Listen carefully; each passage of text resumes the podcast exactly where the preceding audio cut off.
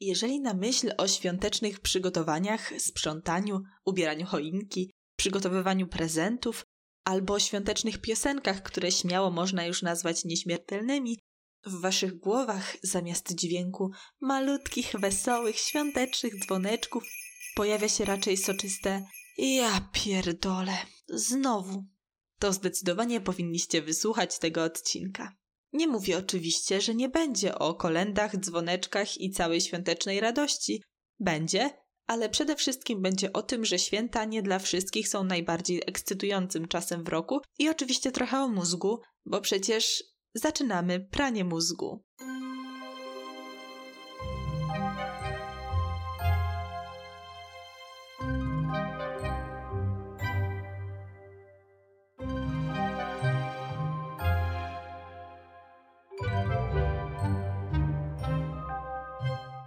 Witajcie w czternastym odcinku podcastu Pranie Mózgu. Bardzo mi miło. Dzisiejszy odcinek jest, moi drodzy, specjalny, świąteczny, tak jak mój nastrój. Mam, słuchajcie, świeczki o zapachu jabłek z cynamonem, pierniczki na wyciągnięcie ręki i ciepły kocyk w reniferki chyba. Zanim opowiem dzisiejszą historię, którą przygotowałam, chciałabym Wam złożyć życzenia. I robię to na początku, bo chcę, żebyście ich wysłuchali. Życzę Wam, żebyście w te święta byli najbardziej ze sobą, jak tylko to możliwe, żebyście mogli bez wyrzutów sumienia jeść świąteczne przysmaki i żebyście przez te dwa dni przestali myśleć o wszystkim, co było i będzie i po prostu cieszyli się chwilami. Niezależnie od tego, czy czujecie ducha świąt, czy swojego przyjaciela macie w tym czasie w Grinchu. A dzisiaj opowiem Wam trochę o Grinchu właśnie. Ale zanim zamknijcie oczy i wyobraźcie sobie. Leżycie na kanapie w swoim domu, w ulubionych skarpetkach z noskami reniferów i błyszczącym świątecznym sweterku z Mikołajem od babci. Przykryci od stóp do głów ulubionym kocykiem. Choinka ubrana jak zwykle tylko z przodu świeci milionem światełek. Na stole przed wami stoi kubek w kształcie bałwanka z ciepłą imbirową herbatą. Okna umyte, podłogi błyszczą, Prezenty wyjątkowo są zapakowane i schowane pod choinką. Decydujecie się na pierwszy łyk świątecznej herbatki. Cholera gorąca. Spokojnie, poparzony język nie zniszczy świątecznego klimatu. Słysząc ten głos mamy, orientujecie się, że przecież mieliście pilnować ciasta. W tym samym momencie czujecie, że ten sweter od babci strasznie drapie przez te wszystkie cekiny. Skupiacie się na muzyce, żeby zapomnieć o swędzeniu i robi się smutno, bo w ostatnie święta on dał jej swoje serce, a ona je odrzuciła. Halo, świąteczny nastroju, wracaj! W końcu siadacie do stołu z nową, pozytywną energią. Ciasto jest wprawdzie spalone, ale barszczyk pyszny jak co roku. Mhm. Wystarczająco pyszny, by udekorować nim śnieżno-biały sweter a gdy już się wydaje, że gorzej być nie może, na scenę wkracza ciocia z szerokim uśmiechem życząca wszystkim pod choinką dużo siana i za męża niebałwana, portfela grubszego niż żona, prezentów bez liku i choinki do sufitu, czyli świąt na 102, tego życzę ja. Ledwo żywi macie nadzieję, że to już koniec, ale nie. Ciocia patrzy prosto na was i już wiecie, że nie ma dokąd uciec. Bierze głęboki oddech i mówi: A gdzie twoja pannica? Żadnego kawalera nie przywiozłaś? Wdech, wydech. Halo? Chciałbym odwołać święta. Myślicie w pierwszej chwili. Ostatecznie jednak odzyskujecie resztki świątecznego nastroju. W myślach przybijacie tylko piątkę z Grinchem i pocieszacie się kolejnym uszkiem, bez żadnych obaw. Przecież sweter i tak jest już brudny. Krótka historia, bo wiecie, święta niekoniecznie muszą być festiwalem ideałów, żeby cieszyć, wprowadzać radość, nadzieję i ciepło. Ale jednocześnie nie wszyscy muszą czuć tę tak zwaną świąteczną magię i nie ma w tym nic dziwnego, a co więcej, najprawdopodobniej ma to naukowe wyjaśnienie. Badania, o których dzisiaj opowiem, potraktujcie proszę z przymrużeniem oka. Wprawdzie zostały opublikowane w bożonarodzeniowym wydaniu brytyjskiego czasopisma medycznego, ale teoria nie jest jakoś bardzo poważnie potwierdzona, wymaga dalszych badań, a ducha świąt nie da się zbadać tak łatwo. Przede wszystkim jednak to badanie może być świetnym argumentem dla tych z Was, którzy przez cały grudzień słyszą: No ale czemu się nie cieszysz? Jak można nie lubić świąt? Uśmiech, bo Mikołaj do ciebie nie przyjdzie. Uwaga, podaję wzór odpowiedzi. To wina mojego mózgu. Niestety cierpię na syndrom Bah-Humbug, albo jakkolwiek się to wymawia. Powinno wystarczyć, bo brzmi poważnie, najlepiej jeśli powiecie to smutnym głosem. A teraz wyjaśnienie. W 2015 roku grupa duńskich naukowców z Kopenhagi przeprowadziła badanie, za pomocą którego chcieli odkryć obszary mózgu, które są związane z odczuwaniem lub nie świątecznego nastroju.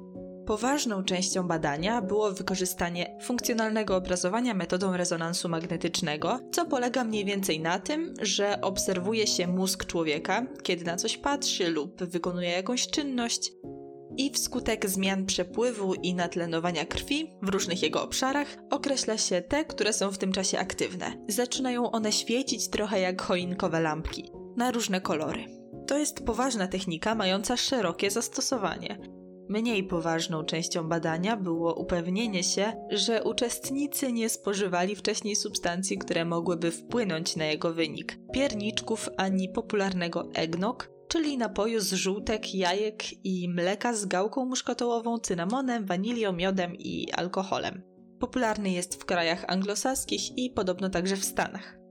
W badaniu udział wzięło 20 osób. Jeśli Wam się wydaje, że to trochę mało jak na badanie, to macie rację, ale uprzedzałam. 10 osób, 8 mężczyzn i 2 kobiety, stanowiło grupę świąteczną, świętowali Boże Narodzenie, a drugie dziesięć, również ośmiu mężczyzn i dwie kobiety, nieświąteczną, czyli nie świętowali Bożego Narodzenia. Wszyscy uczestnicy wypełnili formularz dotyczący świąt, tradycji, ich odczuć z nimi związanych, a następnie obu grupom pokazano 84 obrazki. Każdy był prezentowany przez dwie sekundy i pokazywano na zmianę 6 obrazków związanych ze świątami na przykład świątecznej ulicy ozdobionej światełkami, czy jedzenia na świątecznym stole i sześć zwyczajnych z życia codziennego, można powiedzieć. Badanie wykazało, że u osób, które obchodziły święta, podczas oglądania obrazków z nimi związanych obserwowano zwiększoną aktywność neuronalną w pewnych obszarach mózgu i były to dolna i górna część prawego płata ciemieniowego, lewa kora ruchowa i przedruchowa oraz obustronna kora somatosensoryczna. Ciekawe jest to, że na przykład obszary płatów czołowych są przez naukowców łączone z transcendencją i predyspozycjami do duchowości, a z kolei w korze ruchowej i przedruchowej znajdują się neurony lustrzane, odpowiedzialne za naśladowanie, kopiowanie, odzwierciedlanie emocji czy zachowań innych ludzi. I według badań te same neurony aktywują się u nas podczas robienia przez nas różnych czynności, jak i obserwowania jej u kogoś innego. Brzmi zaskakująco, ale tak jak wspominałam, potrzeba dalszych badań, a sądzenie, że coś tak magicznego jak duch świąt może być ograniczone do aktywności kilku części mózgu i tak banalnie proste do odkrycia, brzmi co najmniej nierozsądnie. Czy to samo dzieje się w przypadku innych świąt? Nie wiadomo. Wiadomo natomiast, że marudzenie, że te badania to bez sensu, niedopracowane i w ogóle zniszczyłoby świąteczny nastrój.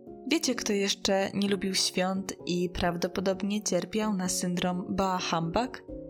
Grinch. Ale jeśli odświeżycie sobie jego historię, zauważycie, że chyba miał powody, by nie lubić świąt. Był samotny, rozgoryczony, odtrącony i nieakceptowany przez mieszkańców Ktosiowa. Nic dziwnego, że nie miał ochoty na świąteczne dekoracje i wesołe kolendy. Wszystkie te tradycje, potrawy i ciepły kominek ze skarpetami mógł oglądać przez okno, marznąc w śniegu. Być może właśnie to było powodem jego nienawiści do świąt. Psychoanalityk Steven McCown mówi nawet, że u Grincha mogło wystąpić PTSD, czyli zespół rozgoryczenia pourazowego, jako reakcja na trudne doświadczenia. I to brzmi całkiem logicznie, bo nie wiem jak wam, ale mnie zawsze Grincha było po prostu szkoda. I choć czasem każdy z nas nim bywa, Kiedy sprzątanie się nie kończy, bombki tłuką jak szalone, nasza piękna świąteczna koszula w drugiej minucie Wigilii zostaje naznaczona barszczem, wosk skapnął nam na palec, a w serniku jest więcej rodzynek niż sera, to trzeba szukać sposobów, żeby w święta choć na chwilę zapomnieć o tym, co złe. I tutaj z pomocą przychodzą ci sami badacze, proponując zaopatrzenie członków rodziny z syndromem w świąteczne czapki albo stymulację elektryczną ośrodków świątecznych nastrojów za dotknięciem przycisku. Ja dodałabym do tego jeszcze wypchanie im ust piernikami i makowcem. I to by było na tyle. Świąteczne pranie mózgu dobiega końca. Jak zwykle w opisie odcinka znajdziecie mojego Instagrama, podcastowego maila oraz linki do wszystkich źródeł. Dzisiaj mam jednak do Was jeszcze jedną prośbę. Jeśli słuchacie tego podcastu regularnie, albo wysłuchaliście kilku odcinków, ale któryś szczególnie Wam się spodobał, będzie mi bardzo miło, jeśli w ramach, powiedzmy sobie, świątecznego prezentu udostępnicie go gdzieś na swoich mediach społecznościowych, aby mogło się o nim dowiedzieć więcej osób. Możecie oczywiście przy tym oznaczyć moje konto na Instagramie. Przypominam, nazwa to Aleksandra XC. No, to tyle ode mnie. Jeśli ktoś z Was będzie chciał mi zrobić taki prezent, to z góry bardzo Wam dziękuję. I pamiętajcie też, żeby nie pozwolić nikomu pozostać samotnym Grinchem w tym świątecznym czasie. Trzymajcie się i wesołych świąt. Cześć!